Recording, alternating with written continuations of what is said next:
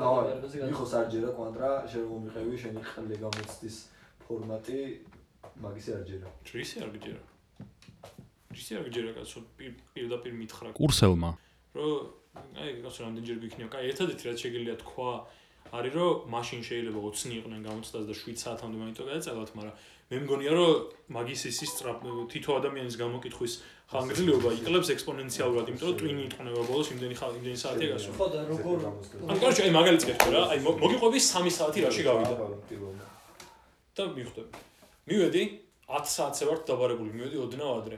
მოვიდა ერთი კურსელი. იმიტომ რომ ვერ ვიტან დაგვიანებას ეგრე იცის თქმა ყველაფერს არ ვიცი.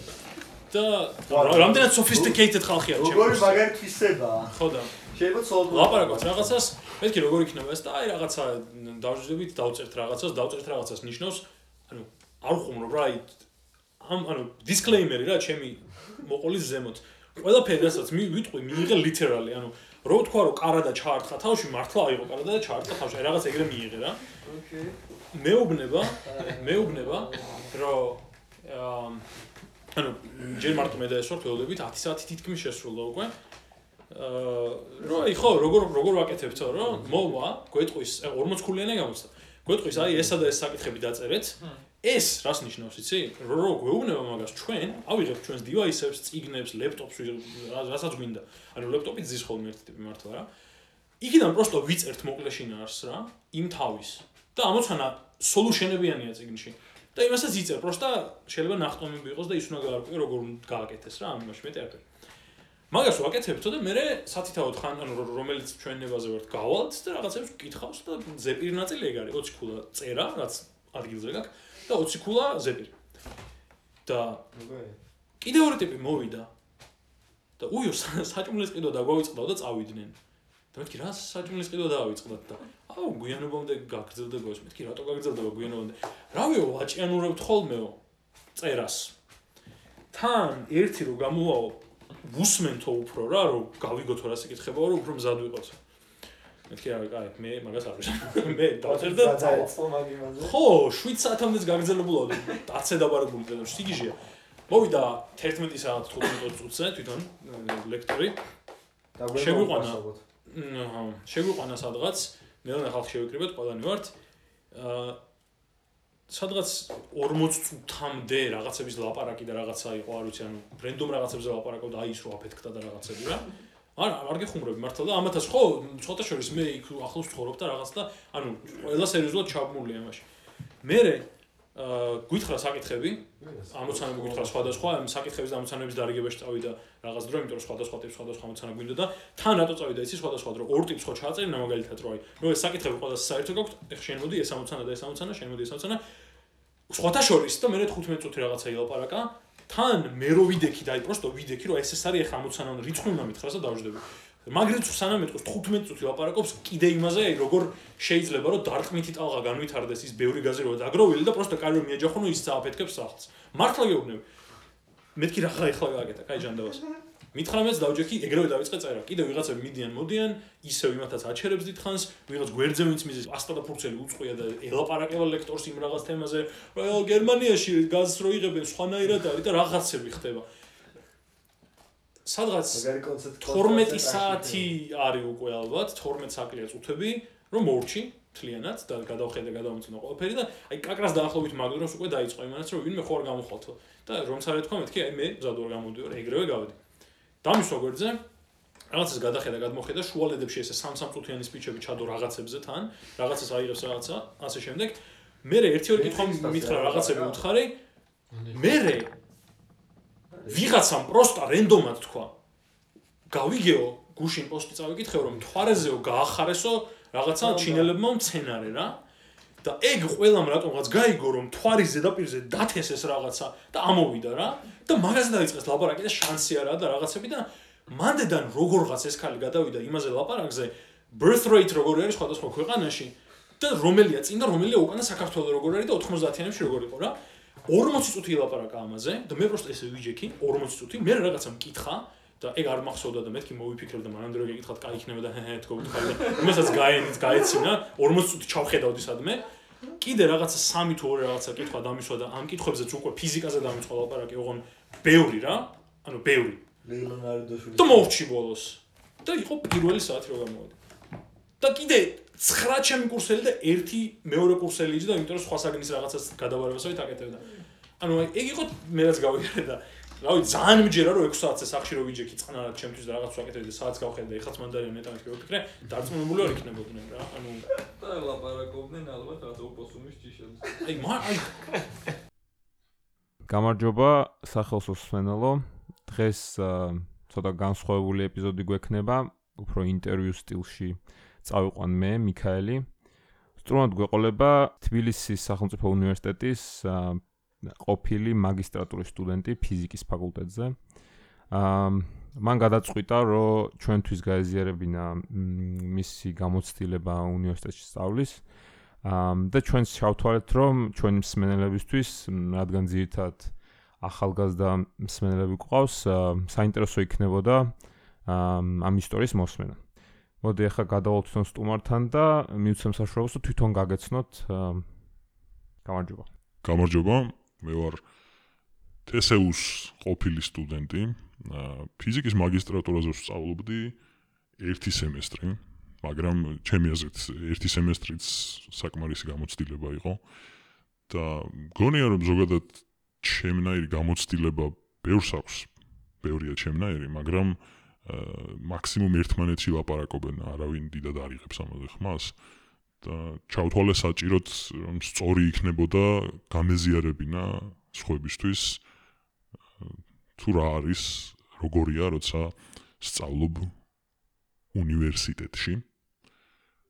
აა, თავისუფალი უნივერსიტეტის ბაკალავრიად დამთავრებული ვარ პირდაპირ ვიტყვი იმიტომ რომ ბევრი ალბათ ისედაც აა, იეჭვებდა მაგას და უბრალოდ ძალიან დიდი სურვილი მაქვს რომ ეს აა, მსმენელისთვის არ აღიქმება როგორც შედარება აა, უნივერსიტეტთან სადაც ბაკალავრიატი დავასრულე.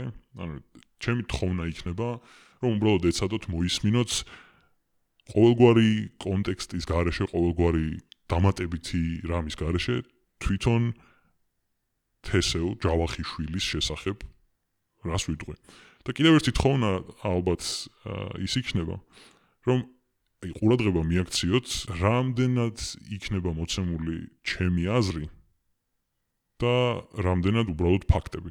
იმიტომ რომ მე მგონია რომ სიამდვილეში ძალიან ბევრი რაღაც რასაც ვიტყვი იქნება ფაქტი და არა ჩემი პირადი მოსაზრება დიდი ნაწილი. და მგონია რომ ეგეც საკმარისი იქნება ბევრ რამეზე სამსჯელოდ. და დიდი მადლობა რომ მომეცით საშუალება მესაუბრა ამაზე აა ძალიან კარგი. მოდი სანამ თვითონ ამ შენს გამოცდილებაზე და ისტორიებს მოგვიყვები, მანამდე ალბათ საინტერესო იქნება რომ აა გითხრა სანამ შეაბიჯებდი ამ უნივერსიტეტში როგორც სტუდენტ, როგორც სტუდენტი, მანამდე რა შეთავაზება ქონდა ამ, გარედან დანახული. თავისთავად ცხადია მე პრინციპში მე როცა ვიყავი სკოლის მოსწავლე მაშინ ჯერ სხვა უნივერსიტეტებზე დიდად ა- დიდად არც მესმოდა. ანუ პირველმა უნივერსიტეტმა რომელმაც ასე ვთქვათ შემოაღწია ჩემს ცნობიერებაში იყო TSU და ძირითადად მხოლოდ კარგი მსმენია. იმიტომ რომ როგორ გინდა რომ არ არ გსმენდეს კარგი როცა შენი ქვეყნიდან უმეტესობა ძლიერი წარმატებული მეცნიერების არიან სწორედ ამ უნივერსიტეტიდან. ხშირად შეიძლება რაღაც ჩატარებულიყო თვითონ უნივერსიტეტის მიერ რასთანაც შეხება მეც მქონია მაგალითად გარკვეული კონკურსი თქვა სამეცნიერო და ასე შემდეგ. შეიძლება ითქვას რომ დიდწილად კარგი შთაბეჭდილება მქონია. რა თქმა უნდა გამიგია აქ აიქ რაღაც დაწუწუნება ან ჩივილი მაგრამ მაგას ყველაფერზე გაიგებთ ხო? შესაბამისად აა, ალბათ სანამ უშუალო შეხება მექნებოდა მაშინაც კი როცა ვიყავი ბაკალავრიატის სტუდენტი და ჩემი ბევრი მეგობარი ჯავახიშვილში სწავლობდა ბევრი ესეთი ცუდი არ გამიგია დიდად. და მე თვითონ სანამ უნივერსიტეტში დავიწყებდი სწავლას, ჯავახიშვილთან მქონდა შეხება, კვალი იყო ეგეთი წრე, სადაც ამეცადინებდნენ აა, მაღალ კლასელებს, სკოლის მოსწავლეებს და ძალიან აა, კარგად მოწყობილ სივრცეში, საკმაოდ კარგი მასწავლებლები გუწვრთნიდნენ და მოკლედ რომ ვთქვა, თლიანად ძალიან სასიამოვნო იყო კავშირი თბილისის სახელმწიფო უნივერსიტეტთან ჩემთვის. აა მოდი ალბათ ჯობია რომ ქრონოლოგიურად მიყვეთ საკითხს და იმით დაიწყო როგორ გახდი სტუდენტი ჯავახიშვილის და შემდეგ მიყვეთ ყველაფერს დანარჩენს. პირველი შეხება, პირველი ნამდვილი შეხება რაც მქონდა, იყო რომ გამერკვია როგორ დაურეგისტრირებულიყავი მისაღებ გამოცდაზე. და მა- მაინც და მაინც მარტივი საქმე არ იყო ჩემთვის. იმიტომ რომ ძალიან მიუჩვეველი ვარ ისეთ ვებგვერდებზე ნავიგაციას, მოდი ესე ვიტყვი, როგორცაც უნივერსიტეტი გვთავაზობს. ანუ საკმაოდ დიდი ხანი გავატარე იმის ძებნაში. ძალიან უცნაურად არის დაალაგებული რა, მოკლედ რომ თქვა, სად არის ფაკულტეტი, რომელი განხრა, სად უნდა ვიპოვო, თან უცნაური ის არის, რომ შარშანდელი ან შარშანწინდელი აა, შედგენილი შეიძლება იყოს მაგალითად გვერდები და მე რა შთაბეჭდილებას დამრჩა იყო რომ ნუ შარშან ხო იმუშავა აქედან ხო გაიგეს ინფორმაცია რომ აი ამა და ამ თარიღზე უნდა მიხვიდე და აა, ადგილას და ასე შემდეგ და რა, ვიცი წელსაც იყოს ეგრე და ანუ რეალურად ერთი წლის ერთი წლის წინანდელი ინფორმაცია წავიკითხე საიდანაც გავიგე თუ სად უნდა მივსულიყავი და რა უნდა გამეკეთებინა და ასე შემდეგ. ანუ დიდად დიდად კმაყოფილი მაგით არ ვიყავი მაგრამ სამართლიანები რომ ვიყოთ ბევრგან არ გვაქვს დღესაც საქართველოში მაინც და მაინც კარგი ვებგვერდი და ამიტომ მაინც ასე თუ ისე მქონდა აა, ანუ სე- სერიოზული პრობლემა მაგასთან არ მქონია მიჩვეული ვიყავი მაინც ასე თუ ისე მაგ გამოცდილებას და შემდეგ მივედი მისაღებ გამოცდაზე. მისაღები გამოცდა არის აა, ორ ნაწილიანი მაგისტრატურაზე, ერთი ნაწილი არის ზოგადი გამოცდის ჩაბარება, რასაც ყველა აკეთებს და ნუ იქ გავაკეთებაც და მეორე არის სპეციფიურად უნივერსიტეტის გამოცდა და ფიზიკის შემთხვევაში ეს კიდევ ორ ნაწილად იყოფოდა.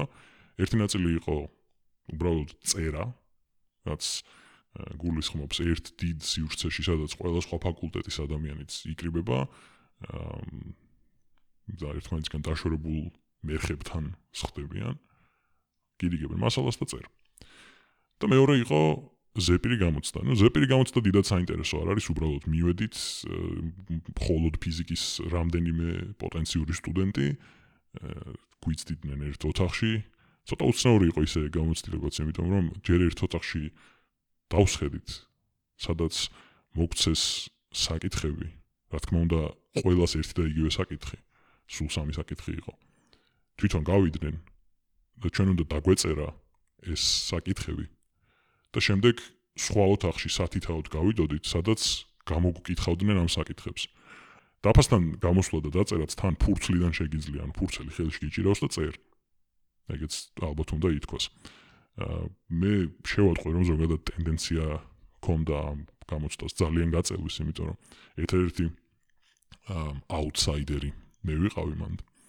აა ყველა დანარჩენი ჯავახიშვილის ბაკალავრიატიდანვე იყო, ამიტომ ყველა ყველას იცნობდა და რაღაც ოჯახური სიტუაცია რადგან იყო, ძალიან გაიწევა თვითეული პროცესი, იმიტომ რომ ძალიან ბევრი ლაპარაკი მი- მიდიოდა ზოგადად და ამიტომ მანდ უბრალოდ როგორც კი დავწერე პირველი გავედი იმ ოთახში და მოვიშორე ეგ საქმე.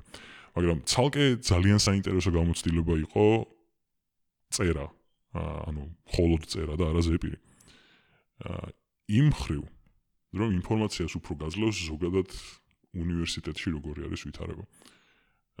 რომ მიდიხარ ეგრეთ წოდებულ განივში, სადაც მიმდინარეობდა ეს, სადაც უნდა ჩატარებულიყო ეს წერა.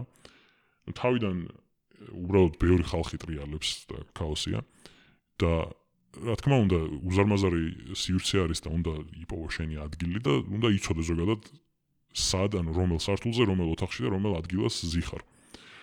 იმისთვის რომ ეს გაარკვიო, ჩემი აზრით, ანუ ყველაზე ყველაზე მარტივი ალბათ იქნებოდა, რომ წინასწარ სრულიად შემთხვევითად გენერირებული ან რაღაცა ლოგიკით რა მნიშვნელობა აქვს, სია არსებობდეს, ხო? რაღაც ვებგვერდზე მოათავსო სია მაგალითად, სადაც პირდაპირ გაქვს ინსტრუქცია.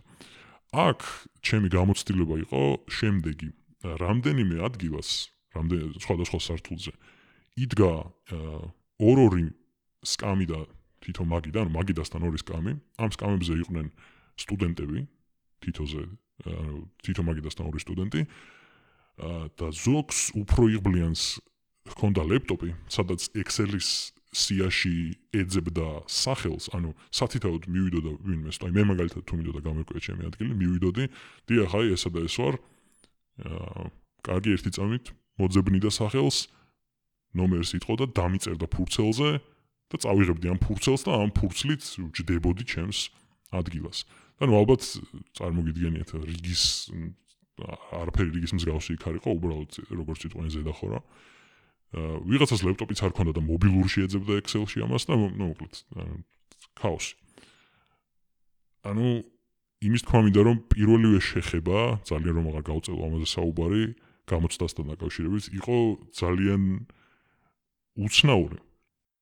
აა თუ შეგიძლია რო თქვა ჩვენ ამაზე უკვე წინ წინასწარ ვისაუბრეთ და თუ შეგიძლია ჩვენ შენელსაც აუხსნა ზუსტად რას გულისხმობ ამ ბიუროკრატიულ სირთულეებში. მე მყავს ერთი მეგობარი, რომელიც თავის დროზე ჩემი მწვრთნელიც იყო რაღაც ფიზიკის ტურნირში, ერთგვარი მასწავლებლის როლშიც მყავდა მოკლედ. და მას დამთავრებული აქვს ბაკალავრიატიც და მაგისტრატურაც უცხოეთში საკმაოდ პრესტიჟულ უნივერსიტეტებში. და ნათქვამი ქონდა ესე ნახევრად ხუმრობით ჩემთვის, ან ჯერ კიდევ როცა სკოლის მოსწავლე ვიყავი, რომ მანამდე სწავლობდა თესეუში და იმდენად ბიუროკრატიულად ჩახლართული იქნებოდაო, ანუ როცა მიიღეს თესეუში სწავლისას პირველ კურსზე რომ იყო, როცა მიიღეს სადღაც ინგლისში, სადღაც პირველი რა უნივერსიტეტის გაფიქრდებათ მანდ, იმდენად ჩახლართული იყო იქნებოდაო იმის პროცესი, რომ მე ჩემი სტუდენტური სტატუსი შემეწყვიტა თესეუში, რომ უბრალოდ აკადემიური ავიღე და დღემდე ალბათ აკადემიური მაქვს მაგ უნივერსიტეტში, ეგ მითხრა მაგ აკადემიური საღებიდან 6-7 წლის შემდეგ. და ანუ ხუმრობად მივიჩნი რა თქმა უნდა. აა თუმცა ანუ ხუმრობად იმ იმ გაგებით გულისხმობ, რომ ნუ ალბათ შემდეგ რაღაცები გაარკვია. არ ვიცი, შეიძლება არც გაურკვევია, მაგრამ ის ის ნაწილი დამაჯერებლად ჟღერდა, რომ ალბათ უბრალოდ აიღო მაგ აკადემიური და დიდად არ იწვალა ბიუროკრატიაზე. და არ ვიცოდი რომ ეგ ერთ-ერთი მართლაც შეიძლება ეგეთი დონის სიმართლე იყოს, რომ ამდენად პრობლემური იყოს ბიუროკრატია. ძალიან ბევრი შეიძლება ამაზე ვილაპარაკო მაგალითად, როცა მიღების პროცესი არის, სადაც კიდე რომ მიგიღონ სტუდენტად ჩაირიცხო მაგისტრატურაზე, რა საბუთები უნდა შეაგროვო მაგისტვის, რაც კიდევ შედარებით ნორმალურია. მე რამდენად არაცენტრალიზებული არის ეგ ამბავი, ანუ რამდენად ბევრ შენობაში გიწევს იარო იმისთვის რომ რაღაცები ჩააბარო ასე ვთქვათ ეს საბუთები და ძალიან არა არა გაციფრულებული თუ რა და ვარქვა არ ვიცი მაგრამ ზედმეტად არასაჭიროდ იყენებენ ადამიანურ რესურსს ჩემი აზრით და მაგისი ანუ არ არ მინდა რომ ძალიან ბევრი ვისაუბრო ამაზე იმიტომ რომ ძალიან ბევრი საუბარი შეიძლება მაგრამ აი მარტივად მარტ ანუ ძალიან მარტივ რაღაცას მოუყვები რაც მეგონი თლიანად დახატავს ყველაფერს დანარჩენს საბუთის აღება დამჭირდა იმის გამო რომ უნდა დასაწყისში ფული გადამერიცხა თესეუში მიუხედავად იმისა რომ 100%-იანი გრანტი და ყველანაირი დაფინანსება მქონდა ანუ ჩემზე ინფორმაცია ჰქონდათ რომ მე ნული მაქვს გადასახდელი. ამის მიუხედავად უნდა გადამერიცხა რაღაც გაურკვეველი რაოდენობის ან გაურკვეველში გულისხმობ რომ არ მესმის რატომ ამ რაოდენობის 370 თუ 375 ლარი. თესეუს ანგარიშზე რომელიც შემდეგ დამიბრუნდებოდა, ანუ ეს დასაწყისშივე იცი რომ ეს უნდა გადარიცხო, უბრალოდ ასე გჭირდება, იმიტომ რომ კოდი ასე მუშაობს ალბათ აზრზე არ ვარ, არ ვიცი რატო არის ასე. და ყოველას პირზე ეკერა ამის პასუხად ბაზები რომ გაიხსნას. რაც ანუ ჩემთვის ზოგადად არის ძალიან გაუგებარი წინადადება, ანუ კი მესმის რა ბაზებზეც არის საუბარი, იმისთვის რომ მე როგორც ოფიციალურმა სტუდენტმა საგნების არჩევა შევძლო, საჭიროა ტერმინოლოგიას არ მომწონს, მაგრამ კარგი რომ ბაზები გაიხსნას, კი ბატონო. მაგრამ ჩემთვის გაუგებარი არის რატომ არის ასეთი სირთულე, რომ პირდაპირ გაარკვიო რომელ სტუდენტს ეკუთვნის უკვე ბაზების გახსნა და გაუხსნა ეს ბაზები და არ ჩართოს სრულად არასაჭირო, აი აი წინ რო გზაზე მიდიოდე და მე ერთი დიდი წრე რო გააკეთო სადღაც იგივე ადგილს დაუბრუნდა და გააგრძელო აი სრულიად ტყუილად ხო ანუ რა აბსოლუტურად არა არასაჭირო ეგეთი რაღაც რატო უნდა გააკეთო არ მესმის. რომ უნდა გადაურიცხო ფული ფულს რო გადაურიცხავ ეგ ფული ხომ უნდა დაგიბრუნდეს იმიტომ რომ ხო დაუტოვებ მაგ ფულს თუ არ გაქვს გადასახდელი. და ამისთვის უნდა გაიარო ქარცეცხლი ბიუროკრატიის იმიტომ რომ გჭირდება 2 თუ 3 საბუთი ერთ-ერთი მათ შორის ბანკიდან იმიტომ რომ არ ვიცი რატომ ანუ ხო ხო შეგიძლია აჩვენო რა ან თუ ან თუ paybox-დან არ გადაიხადე მაინც და მაინც. რომ აი გადავიხადე ჩემი ანგარიშიდან გადმოვრიცხე ჩემი ანგარიშიდან. დამიბრუნეთ თუ შეიძლება ამ ანგარიშზე ფული. არა. უნდა იარო მინიმუმ სამი შენობა უნდა გამოიცვალო ხოლოდ იმიტომ რომ დაგიბრუნონ ის ფული. განცხადება უნდა დაწერო სადაც ამბობ რომ ეს ფული დამიბრუნეთ თუ შეიძლება მე რომ მეკუთვნის. ანუ იმიტომ რომ ისე ხო ცხადი არ არის ეგ უნდა მოხდეს.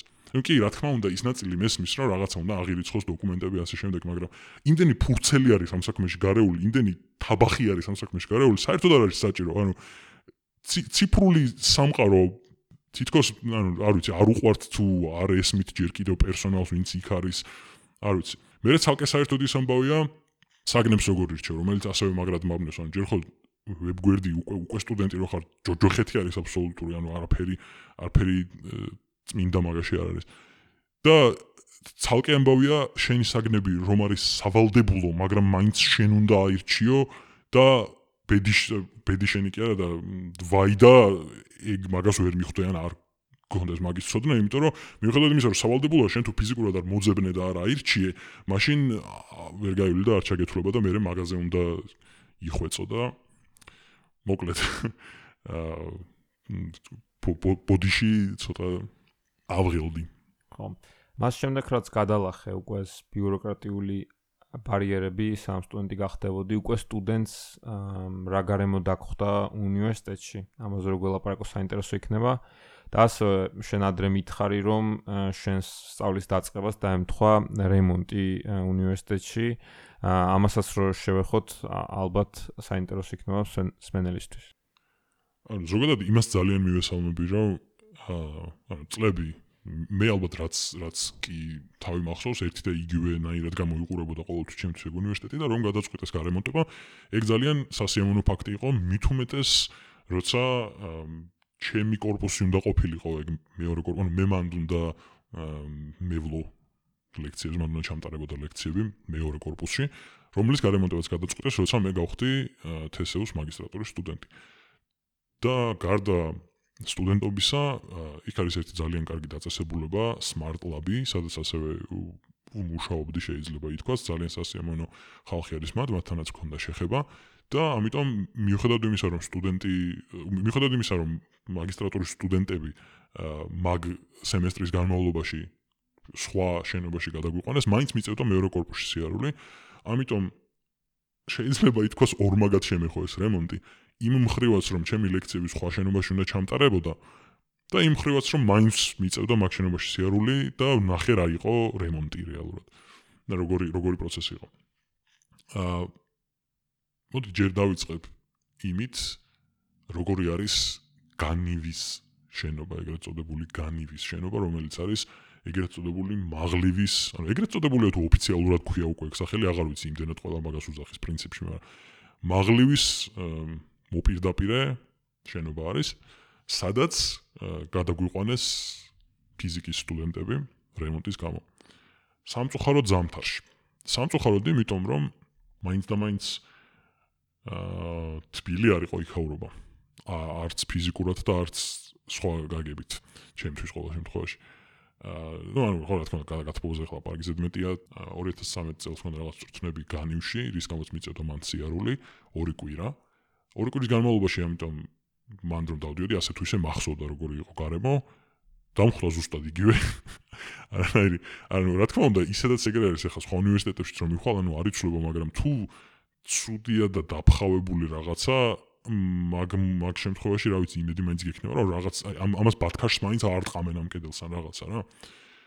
აა და აუ განივი არის ჩემი აზრით ძალიან ცუდი ძალიან ცუდი შენობა არის ძალიან ძალიან ცუდი შენობა არის. იმიტომ კი არა რომ აი არქიტექტურულად ცუდი შენობა არის ან ასე შემდეგ. ნუ ჯერ ერთი მოუვლელია ანუ ხარ ანუ შედიხარ უნივერსიტეტში უნივერსიტეტში ანუ ადგილას სადაც დაწესებულებაში, რომელსაც ადრე უბრალოდ უნივერსიტეტს უძახდნენ, იმდენად უნივერსიტეტი იყო მარტო ეგ.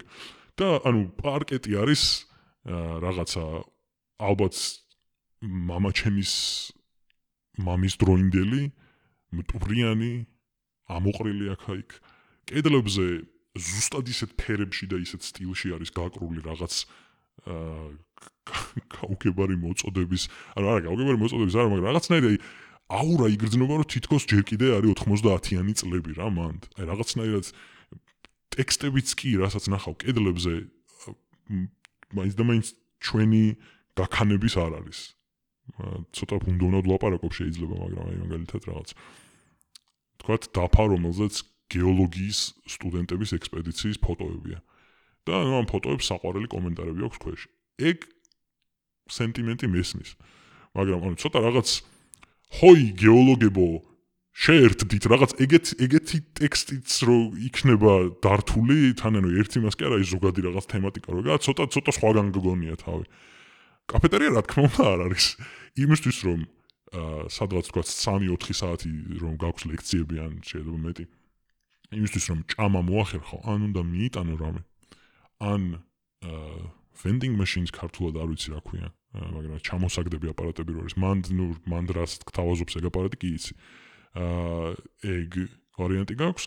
ან კიდევ ერთი ვარიანტი არის რომ გამოხვიდე განივიდან გადახვიდე ქუჩაზე იარო არ ვიცი ნაფეტრობის მიმართულებით ჩაუყო შემდეგ დაღმართს იარო ამ დაღმართზე სამწუხაროდ ქუჩების სახელებით კარგად არის თქო მაგას ვიტყოდი ზუსტად რა ქუჩამდე და იქ ან დანკინ დონატსში შეხვიდე რატომღაც თუ მაგისი ხარჯის სურვილი გაქვს ან რაღაცა სალობიე თუ საცხობი არის სადაც მე რამდენადაც დავინახე და გავარკვიე უდიდესი ნაწილი დადის თესეუსი.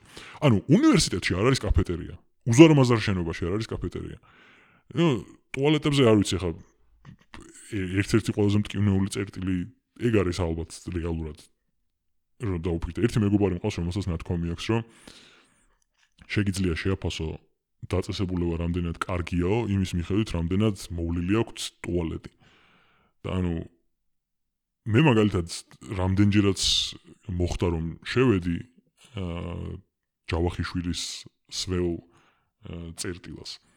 ჩემი აი ყველაზე ესეთი მთავარი მისია ყოველთვის იყო რომ რაც შეიძლება ნაკლებ ზედაპირს შევხებოდი რამეს საერთოდ.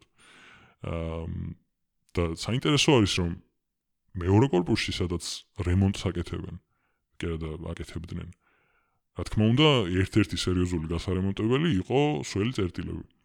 რომ გაარემონტეს სველი წერტილები, აა ჯიხური უნდა დავარქვათ, არ ვიცი რა ქვია მას, აი რომ გამოაღებ კარს და არის უნიტაზი.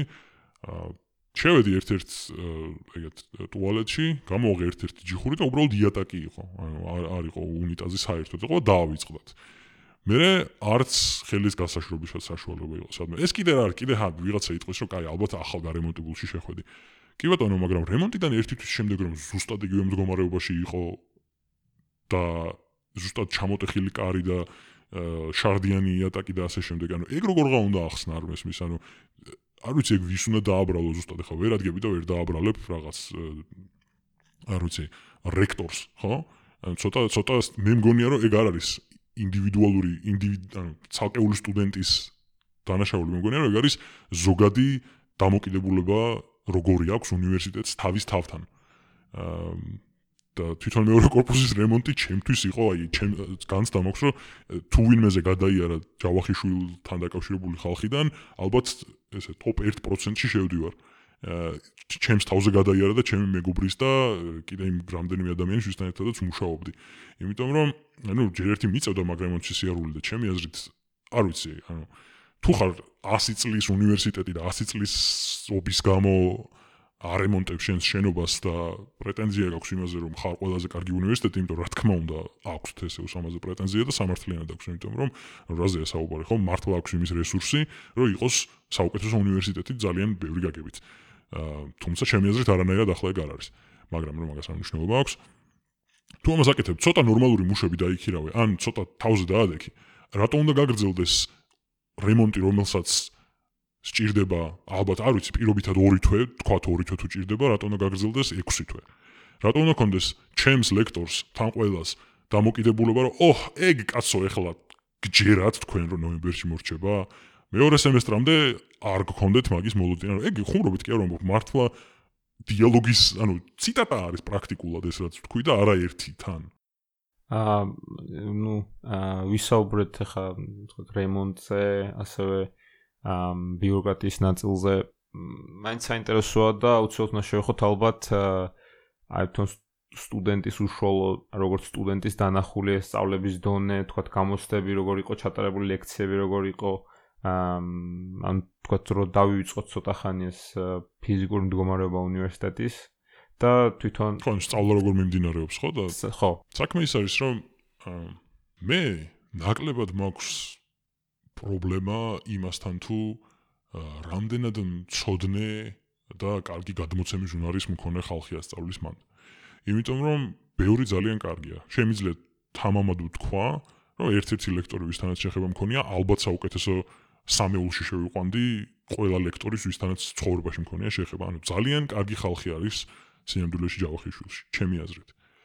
საქმე ისაა, რომ თვითონ უნივერსიტეტში რა დამოკიდებულებაც არის ჩამოყალიბებული თვითონ უნივერსიტეტზე, თვითონ სწავლის პროცესზე.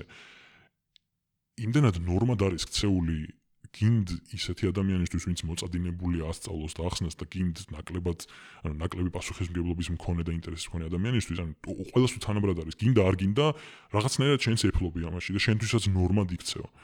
და ეგ ნორმა ჩემი აზრით არის ძალიან ცუდი. ანუ აი ძალიან მარტივად რო ვთქვა ხა მე მე რა თქმა უნდა ერთ ერთი კონკრეტული განხრით ვიცი რა როგორ ხდება, მაგრამ რა თქმა უნდა დარწმუნებული ვარო სხვაგანაც ეგრე იქნება, იმიტომ რომ სხვა თორაფერი ჯერ ერთი მე მე წარმოდგენა მაქვს რომ სამეცნიერო ფაკულტეტი ზოგადად საკმაოდ სერიოზული საქმეა იმ ხრივ რომ როცა როცა სწავლობ რაღაცნაირად უნდა მოეკიდო შენს საქმეს მაქსიმალურად ისე რომ აი როგორ როგორ თქვა ნაკლებად იყო დამოკიდებული იმაზე ამ კონკრეტულ გამოცდას როგორ დაწერთ თქვა ან ნაკლებად იყო დამოკიდებული იმაზე აი ამ კონკრეტულ ნაწილს როგორ სწავლე უფრო იმაზე რომ გამოიმუშაო შენი მეცნიერული კულტურა შენი აზროვნების მომენტი შეიქმნა ჩამოყალიბდა მეცნიერად ანუ მაგისტრატურა არის ბოლო-ბოლო 4 წელი გაკატარებული ბაკალავრიატში და მანამდე გაქვს 12 წელი სკოლაში გატარებული, ხო? ანუ იგივე რატომ უნდა იყოს? ჯერ ერთ ბაკალავრიატი რატომ უნდა იყოს იგივე ზოგადად და ეგეც, ну, რაღაც დონეზე ყველა უნივერსიტეტში თითქოს არის, მაგრამ ახლა ეგ გრძელი თემაა ცალკე. და ჩემთვის მაგალითად ძალიან უცნაური იყო მთლიანი ფორმატი ან სწავლების, ანუ სწავლების იმდენად არ არის ლექციები ჩვეულებრივი სტანდარტულად როგორც ლექცია წარმოგიდგენიათ, ეგეთია.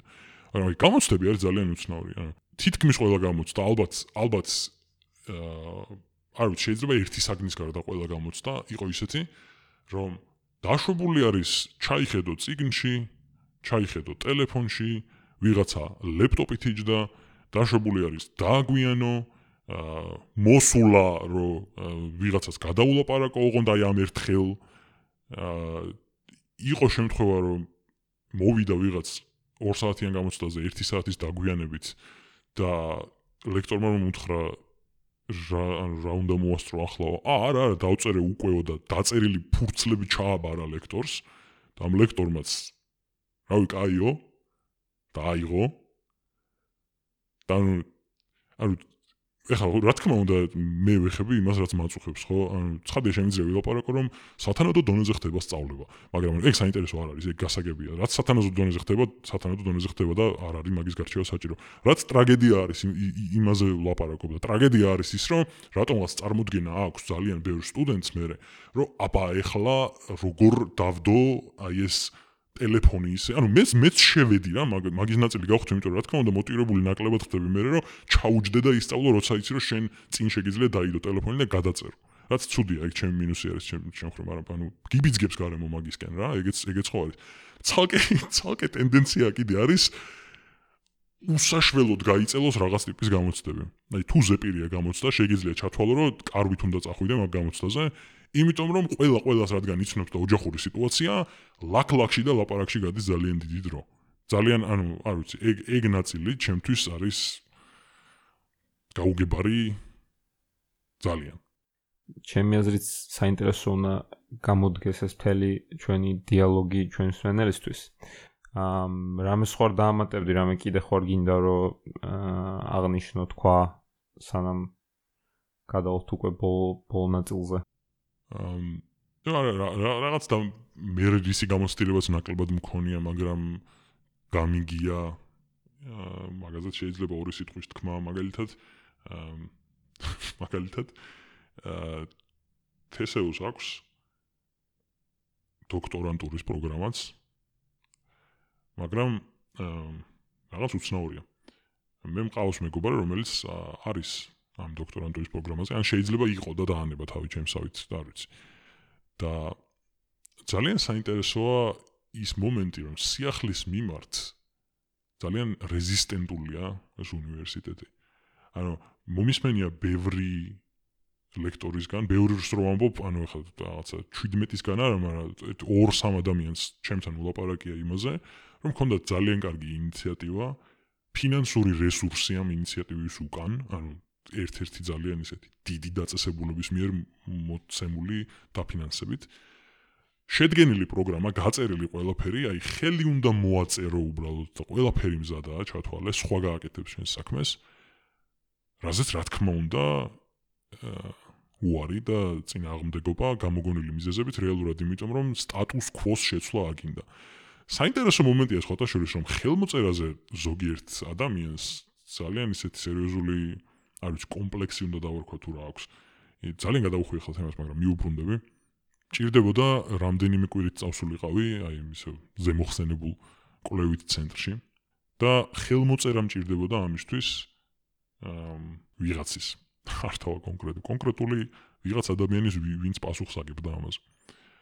და ანუ აი ხელმოწერაზე მარტივი რა უნდა იყოს ზოგადად დოკუმენტებთან როცა არის საქმე, ხო? ანუ მართალია ფორმალობაა, მაგრამ აი მაგაზე მარტივი ხო მართლა არაფერთან შეხება არ ქონია ალბათ დოკუმენტებთან დაკავშირებით. ვიღაცას თხოვ რომ თუ შეიძლება აი ამ სრულიად გასაგები და ვალიდური მიზეზით მჭირდება ეს დოკუმენტი, შენ არაფერს არ გიცვლის ცხოვრებაში და თან სამართლიანია ყველაფერი, თუ შეიძლება ხელი მომიწერე. მაგაზე გამაფრთხილეს, რომ ეგრე, ეგრე მარტივი არ იქნება ეგ და მეთქი რავი, ანუ მიუტან უბრალოდ მომიწერს ხელს. და მაიცადეო ჯერ რომ მე დაურეკავო ერთ-ერთმა წარმომადგენელმა მითხრა ვისთანაც ვინც დაკავშირებული იყო, ვინც ჩემი ხელმძღვანელობით უნდა ყოფილიყო ამ რაღაც კვლევით ამბავში. და რატომაც არ გავითვალისწინე ეგ და უბრალოდ მიუტანე. ამ ადამიანს, ვისაც უნდა მოეწერა ხელი ამ საბუთზე ჩემთვის, რომ აი რაღაცა რამდენიმე კვირას გავაცდენ და წავალ სადღაც და დამაფარა თავზე. როგორ თუ ჩემთან შეთანხმების garaშე ეს არ გაარკვია ანუ ახლა გითანხმებ ანუ ეს აქტი რომ მე მომაქვს დოკუმენტი შენთან რომ ხელი მოაწერო არის შეთანხმება ხო და მართლა დაჭირდა ზარი და 40 წუთი ახლა 40 წუთს ვამბობ ხოლმე ხშირად და შეიძლება ამჯერად არ არის სწორი იმიტომ რომ არ მნიშვნელობა აქვს მაგრამ 2 საათის განმავლობაში თუ 1 საათის განმავლობაში თუ რაღაცა ლექცია წაუკითხე მოკლედ ამ ჩემს ხელმძღვანელს და ესეც მიჩვეული რადგან იყო ესე უსმენდა წყნარად რომ მე მოეწერა ხელი. და რო დაუბრუნდე ამ დოქ- დოქტორანტურის საკითხს რა თქმა უნდა ანუ რა თქმა უნდა არანაირ სიახლეს არ მიიღებენ შენგან იმიტომ რომ არ ვიცი ახლა უკვე თითის დადება და ცოტა ზედმეტი სე- სერიოზული სერიოზული ბრალის წაყენება გამოდის რაღაცაზე მაგრამ აა რესურსები ხო სწორად უნდა მიიმართოს ასე ვთქვათ. და ამიტომ ფული მიდის იმ ადამიანებთან ვინც ასწავლიან ფიზიკის დოქტორანტურაზე საგანს თქვათ სახელად მეცნიერების მენეჯმენტი. და ასეთები და ანუ ანუ რა- სე- სერიოზულად როგორ უნდა მიიღოს საერთოდ ის ხალხი ხო ვინც მანდ არის და ის სიტუაცია? ანუ მე მგონი რომ ზოგადი პრობლემა არის ეგ რა ანუ სანამ დამოკიდებულება არ შეიცვლება იქიდან აი მე რას მივიღებს არგებს და მე ვინ ვარ ამ უნივერსიტეტში მანდედან სანამ არ შეიცვლება იმაზე რომ აბა უნივერსიტეტისთვის კარგი გავაკეთო და აბა მოდი ზედმეტი აქეთ-იქით სირბილი და საბუთების რკვევა და რაღაც ავარიდო ადამიანს და უბრალოდ დავაწვე რაღაც ღილაკს კომპიუტერში და მანდედან გაკეთდეს ყველაფერი. სანამ რაღაც გამარტივებაზე და ზრუნვაზე არ წავა საქმე, ქაქშია ჩემი აზრით მანამდე ეგ უნივერსიტეტი. და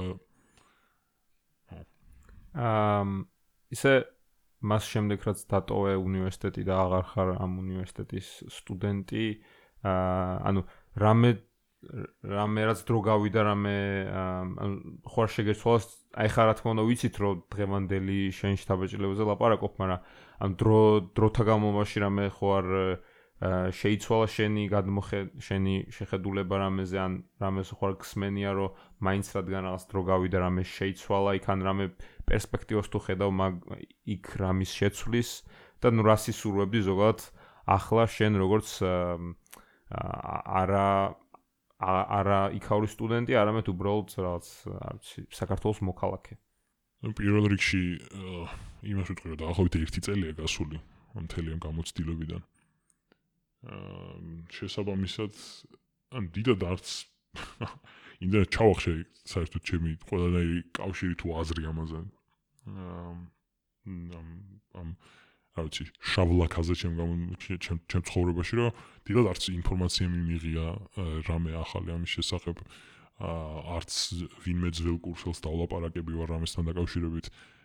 აა ჩემი უკანასკნელი გამოცდილება ის იყო, რომ მეორე სემესტრი რომ დაიწყო, ლექციების ნაწილი უნდა ჩამტარებოდა მაღალი ენერგიების ფიზიკის ინსტიტუტში, რომელიც ასევე ახლოს არის მაღალივითან და განვითან.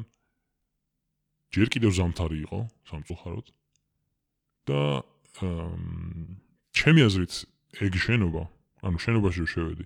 არა ხა ბევრი იფიქრებს რომ აი შენობით მსჯელობს უნივერსიტეტზე. არ არის რა ეგრე, ანუ ყველაფერი ერთადაა, რა თქმა უნდა, უბრალოდ ყველაზე შოკი ნაწილი რაც არის იმაზე ვლაპარაკობ. არ აი არ ვიცი რა რა ფორმით უნდა უნდა დავიფიცო თუ რა უნდა ვთქვა, მაგრამ ანუ ნამდვილად სრულიად გაუზვიადებელ სიმართლეს ვამბობ, რომ კარი რომ გავაღე ამ უნივერსიტეტის მართლა ვიფიქრე, რომ შემეშალა შენობა და უბრალოდ მიტოვებული შენობა იყო მართლა ანუ სრული გაზვიადების გარეშე ვამბობ, იმიტომ რომ დერეფანი რასაც უყურებ, როცა კარს გააღებ, არის აბსოლუტურად აი ინგლისურად კარგი სიტყვა არის wrecked რა, ანუ აი განადგურებული არის და არა მარტო ეგ, რომ ანუ სრულად განადგურებულია. ტელეფონში რო გაიარო, აქეთ იქით არის კარები, რომელსაც ანუ ეგეთი კარი არ მინახავს არასდროს რა, მანამდე იმდენად ძველია რა, ანუ ძველი განადაფხავებული უბრალოდ რაღაცა უცნაური მწوانه რო დაკრავს რა, რაღაც ადრე რო ქონდათ. და გადაკრული აქვს ზედ, გადაკრული აქვს, დალუქულია აწერია. ანუ ზედ დალუქვის ის აქვს რა, გადაკრული სკოჩი თუ რაც ქვია მაგას. და უბრალოდ მე შემომეგება ვიღაცა ვინც ერთ-ერთი საგნის ლექტორი უნდა ყოფილიყო, რომ აქეთ აქეთო და მან დრო გავედი მე იყო გარემონტებული ნაწილი შენობის, ოღონ ნაწილი ეგეც. და ანუ მაღალი ენერგიების ფიზიკის ინსტიტუტი არის, ხო? ანუ თავი დაანებე მაგას. ანუ იმას კი არ მომბრო ეგ რატომღაც უფრო მაგარია, ან უფრო მნიშვნელოვანი არის ვიდრე თქვა სისხლის სამართლით, არ მნიშვნელობა. უნივერსიტეტის შენობა ჯერ ხო რას გავს ეგ? მე მართლა უფრო ციოდა შიგნით ვიდრე გარეთ, რაც ნუ ჯადოქრობა არ არის, მან არაფერი, უბრალოდ გარეთ ნელ-ნელა დათბა, ხო? იმიტომ რომ მზეა მოვიდა და შიგნით ვერ მოასწრო გათბობა, როცა მე მივედი და იყო ყინული. გათბობა არ არის იქ. და მე ამ ლექტორმა ლექტორი კარგი ადამიანი იყო ძალიან და კარგი, ანუ როგორც ვთქვა, კარგი ლექტორიც, იმიტომ რომ რასაც უსმენდი, კარგად მიხსნი და ყველაფერს კარგად გვიხსნი და შესავალივით გაგვიკეთა, ასე ვთქვა, რაღაც ნაწილაკების ფიზიკის. მე აგვიყვანა მეორე სართულზე და დაგვათვალიერებინა აბსოლუტურად განადგურებული მეორე სართული, რაღაც იატაკში ორმო და ეგეთი რაღაცები. და ანუ ამას გვათვალიერებინებს როგორც ისტორიას რა. და ანუ ხა ეს ტიპი კარგი ადამიანი არის, ეთყობა რომ ცოდნეც არის, უნდა გადმოცეს ინფორმაცია, არის ენთუზიაზმით ახსავსე და ასეთი ადამიანისთვისაც ეს არის ნაკცევი ნორმად, რომ აი აი აქ ადრე 20 წლის წინაც არა და მეტი რა, რაღაცა 35 წელი, 40 წლის წინ, აი ესეთი რაღაც კეთდებოდა ხოლმე და მე ნუ აი ამ ოთახში შეყარეს რა ეს კომპიუტერები და რაღაცები და ხედავ როგორ ლპება რაღაცა მიკროჩიპი და რაღაცა კარკასი პროცესორის, რომელიც იყო რაღაც Pentium 1-ის და უფრო ძველი კიდე, ანუ მოკლედ საშინელება რა. და ეგ იყო ჩემი ბოლო დღე უნივერსიტეტში. მაგის მერე წამოვედი და რას ვისურვებდი, არ ვიცი, ალბათ ვისურვებდი იმას, რომ ისეთი ხალხი მოვიდეს სათავეში ამ ყველაფრის. ან ვინც სათავეში არის, რავი, დაფიქრდეს, მაგრამ მაგის შანსი არ არის მაღალი ჩემი აზრით, რომ ანუ ელემენტარული რაღაცები რაც აქვს რა უნივერსიტეტს რაც ჭირდება ანუ დამოკიდებულების შეცვლა უნდა რა თქმა უნდა საფუძველში მაგ ყველაფერს მაგრამ ელემენტარული რაღაცები კოსმეტიკური რაღაცები მაინც ხო უნდა გააკეთო და მე ანუ მაგ კოსმეტიკურ რაღაცებშიც ანუ სწორს ვერ მოთხოვ, იმიტომ რომ გარემონტეს მეორე корпуსი, რომელიც არის ისტორიული შენობა და შეუცვალეს კარი. და ეხლა აქვს სხვა კარი. ანუ რატო ისტორ ანუ უზარმაზარი ლამაზი, არ ვიცი მუხის იყო თუ რისი იყო, მაგრამ ისტორიული არის, ხო? მაქსიმუმ რესტავრაცია გაუკეთე. რატო უნდა მოხსნა ეგ და რატო უნდა დაამაგრო რაღაცა მეტალის სახელურებიანი დედამოტყნული კარი არ მესმის. აა მოკლედ. იმედი მაქვს რომ მოვა ისეთი ხალხი, ვინც აა პირველ რიგში ცოტა უფრო თანამედროვე მიდგომებს შემოიღებს ბიუროკრატიასთან დაკავშირებით, გახდეს უფრო ცენტრალიზებულს იმ გაგებით, რომ ჩემი აზრით არ უნდა მიწევდეს ერთი შენობიდან მეორეში ფეხით გადასვლა, რომ მომცენ დოკუმენტი იმაზე, რომ სტუდენტი ვარ. ანუ ან ან ანუ თუ თუ არასწორ შენობაში ვარ, კარგი, მაგრამ თუ მთავარ შენობაში ვარ, სადაც გვარდება ბიუროკრატიული საკითხები და ასე შემდეგ, ანუ ინდივიდუალურ ფაკულტეტის შენობაში რატომ უნდა მიწევდეს წასვლა, რომ იქ მომცენ, რომ მაგისტრატურის სტუდენტი ვარ. ანუ ხო ერთი უნივერსიტეტი არის, მაინც ხო ერთი უნივერსიტეტის სტუდენტი ვარ იმ ფაკულტეტზეც და ამ ფაკულტეტზეც. კომპიუტერში რატო არა გაქვს ის საჭირო სია, სადაც ნახავ, ანუ იქ რატო უდევს იმას დავთარის სახით, ანუ ყვირილში გადავედი უკვე ხა. მაგრამ მე მგონი ჩემი ჩემი სურვილი თუ რას უსურვებდი ჯავახიშვილს მე მგონი გასაგები არის მეტნაკლებად. აა და ხო ბოდიში ჭარბი აგრესიისთვის. ძალიან დიდი მადლობა მინდა გადაგიხადო მადლობა რომ მომიწვიეთ და საშუალება მომეცით რომ მესაუბრამ ყველაფერზე. სტუმრობისთვის. დარწმუნებული ვარ მნიშვნელოვანი არის რომ მეტმა ადამიანმა მოიღოს ხმა ასეთი რაღაცების შესახებ. კი, ნამდვილად დარწმუნებული ვარ ჩვენს მსმენელებსაც დაინტერესებთ ეს ზოგადად ამ საკითხზე ფიქრი, აა, კარგი რა, დადებითი რაღაცა არის. პრობლემებზე ფიქრი ზოგადად ყოველთვის დადებითია. აა, თუ გვინდა რომ ეს პრობლემები ოდესმე მაინც გადაიჭრას. აა, ძალიან დიდ მადლობას მოგიხდი კიდევ ერთხელ. სმენელს კი ვეტყვი რომ ჩვენ შევხვდებით ყოველ ორშაბათს, შეგიძლიათ ჩვენს ახალ ეპიზოდს დაელოდოთ. აა, კარგად ბრძანდებოდეთ. ნახვამდის. ორი რაღაც მჭირდება სამწუხაროდ არ ვიცი. მაგალითად სად უნდა გავაკეთო? ერთი არის მოწმობა რომ მაგისტრატურის სტუდენტი ვარ. ეგ ფაკულტეტზე მეორე ან უნდა მივიდე ჩემს შენობაში და იქ უნდა გავაკეთო? კი ბატონო კაი. რა ვიცი თუ სასწავლო გაიგეთებ აქაც შეიძლება სად არის 119 სასწავლო? 120-ში და მეორე რა გნებავთ მეორე, არ ვიცოდი რომ განცხადება უნდა დამეწერა იმისთვის რომ ჯარიდან? 375 ლარი, არა, რომ აა, თანხის დაბრუნება? საფინანსოდან ამოიტანეთ ის ცნობა რომ ამდენი თანხა უნდა დაგიბრუნო და მე განცხადება დაწერეთ აგერ საფინანსო სად არის? 09-ში 0 სართულზე მე-19 ასე გეტყვი. მადლობა. 19 და კეტdelia. შესვენება დამთავრდა, მაგრამ მაინც. ხაველოდები მაგას. სახალისოა ძალიან. სანამ ველოდები მაინც რომ განვარტო. როგორც გავიგე, ესე იგი იმისთვის რომ დავწერო განცხადება, რომ ფული, რომელიც ისედაც მე მეკუთვნის დამიბრუნონ, უნდა ცალკე წავიდე სხვა სართულზე, სხვა ოთახში, სადაც მომცემენ ცნობას რა თანხა მეკუთვნის რომ დამიბრუნდეს. იმიტომ რომ ეგ თანხა ხომ ვერ აღირიცხებოდა თავისით რაღაც ადგილას და ცალკე დეპარტამენტმა უნდა აღრიცხოს. გამარჯობა. ასე მითხრეს, რომ ცნობა უნდა ავიღო აქ იმ ფულის დაბრუნების შესახებ, რაც გადავიხადე ბაზების გვარი გახსნისთვის. კვანტრიშვილი, ადრეფილი გიორგი. ანგარიში მოტანილი და ფრაზეს თანხა უნდა დაგერიცხოთ შემიძლია ახლა მოვწერო, არ მომიტანია, მაგრამ ოფიციალური ვერსია უნდა იყოს ან ამობეჭდილი ან ბანკიდან უნდა წამოიღოთ ბანკიდან წამოვიღო ოფიციალური ესე ჩემი თუ ანგარიშის. გაქვთ აი ელექტრონული კი, ელექტრონული მაქვს თუ გაჩვენოთ. ამობეჭდოთ არა კი ამ დამაჩვენო აა, უნდა ამობეჭდა. ხო ამობეჭდოთ უნდა ან ბანკიდან გადადით და ბანკიდან წამოიღეთ და ანგარიში რომ მოიტან აბრძანდით კანცელარიაში დიახ. 114-ში დაწერეთ განცხადება თანხის დაბრუნებას და დაურთეთ ეს ორი ცნობა და ის ანგარიში. გასაგები. დღის შემდეგ დაგერიცხებათ თანხა. მადლობთ. აქო შემიძლია სადმე ამოპრინტო ტელეფონიდან დასკრინული მაგალითად. ვერ გეტყვით, ბიბლიოთეკაში აქვთ კარგი, კარგი, აღარ შეგაწუხებთ თქვენ. კარგი. აა, ესე იგი, ცალკე უნდა მოვიტანო. ცალკე უნდა მოვიტანო ანგარიშის ნომერი თან ბანკიდან. იმიტომ რომ ანუ რა ანგარიშითაც გადავიხადე, იმაზე ხო არ უნდა დაირიცხოს. მიუხედავად იმისა, რომ შემიძლია დავადასტურო. შუ! კარგი.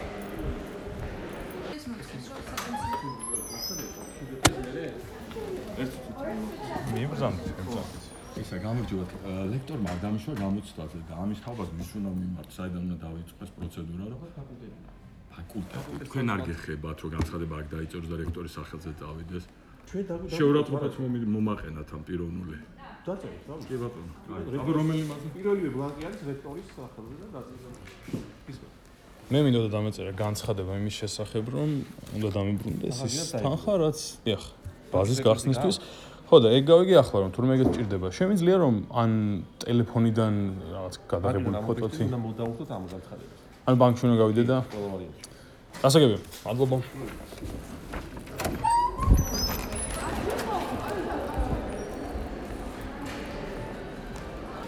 არც.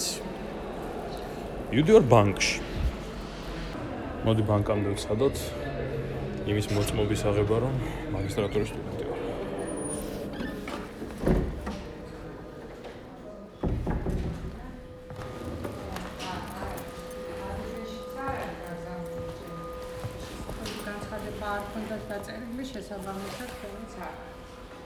თუ გეჩქარება შეგიძლიათ განცხადება დაწეროთ და მოითხოვოთ, თუ არა და უნდა დაიღოთ როდის გავახსენოთ.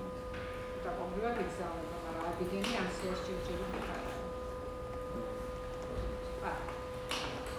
ამჯერად ცნობა მინდა იმის შესახებ, რომ მაგისტრატურის სტუდენტი აქ რომ მოდი გავიგე, რომ ფაკულტეტზე მაგრამ მე მე მითხრას, რომ შეიძლება აქაც დაიწყოს და შესაძლებელია ეს. და რომელი ფაკულტეტია? ფიზიკა, მეორე კურსში რომ გადავიდე, იქ დამიწერა მაგისტრამას. კი, აღარა. ეს პატეკანაში. აუდიტორიასაც ხომ არ მეთხოვი. ვერ გეტყვით ახლა რემონტია და საგ არიან გადაწყვეტილები არის. კარგი, მადლობა. აუცილებელია რომ ცალკე შენობაში გახვიდე, იმიტომ რომ ეს ხო ერთი უნივერსიტეტი არ არის. ანუ აი მესმის რომ ხო, სადაც არის საბუნებისმეტყველოს ფაკულტეტი და корпуსი იქ უნდა მიხედონ მაგ საქმეს, მაგრამ ანუ ერთი სია როგორ არ უნდა არსებობდეს, რომ შეიხედო ნებისმიერი კომპიუტერიდან და არ გჭირდებოდეს რაღაც შიკრიკის გაგზავნა. ესე ეგ ანგარიშის ნომერი მინდა იმისთვის. რა, ჯავახიშვილიდან მოდიან ხოლმე ხშირად ალბათ. რა, ხო, რომ დამიბრუნდეს ეს თანხარად და ეგ საჭირო არის მართლა. ანუ არაფრით არ შეიძლება შემოუაროს ადამიანმა იმას, რომ ეგ არ იყოს საჭირო ბანკიდან კიდე ის მეიტანო. ხო, ანუ რა ანგარიშით, რა ანგარიშითაც მოხდა გადახდა იმაზე, რომ იყოს შარიცხვა თუ თანახმა არის მაგალითად ხო, ხო, ადამიანი. პირდაპირ უნივერსიტეტის ანგარიშები ხავთ. კი. მე თქვენ პირად ანგარიშზე ანუ ისე ვიწყოთ. ხო, მაგრამ სისტემა ხო უნდა არსებობდეს, რომ ამ სტუდენტმა აი ამ ანგარიშით ჩარიცხა ეს. არის. ხო ანგარიშთან ერთად თქვენ ჩარიცხოთ ფეიდან ან მხოლოდ ოპერატორთან. აა, თქვენ არ ხო, მაგრამ მხოლოდ კავშირი ვარ, თქვენ მარტო პირადი ნომერი ფიქსირდება, ისიც თუ დანიშნულება. თქვენ პირად ვიყავთ ერთ წამს მანამდე. ჩემ გადარიცხვით გავაკეთე, იმიტომ რომ მე ჩემი ანგარიშიდან გავაკეთე ონლაინ ბანკინგიდან და მაგიტო, მაგიტო. აი, დაუბრუნდი ძირფას 114-ში. რომ როგორც იქნა დავწერო განცხადება.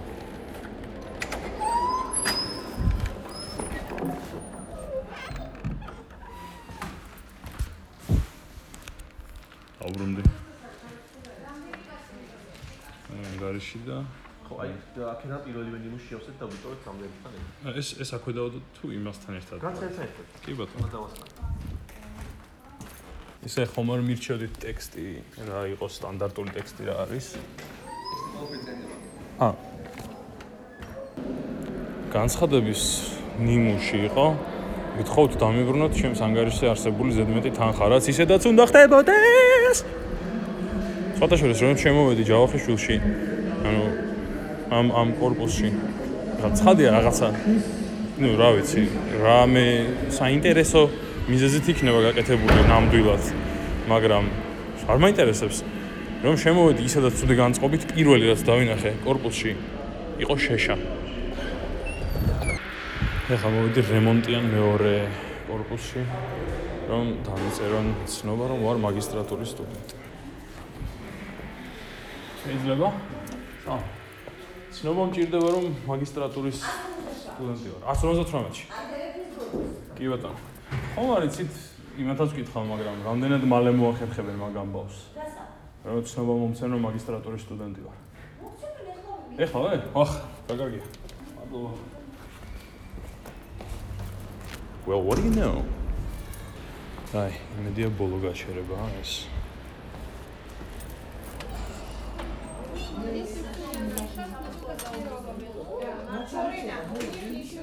ალამი, ცნობა მინდა რომ მაგისტრატურის სტუდენტი ვარ.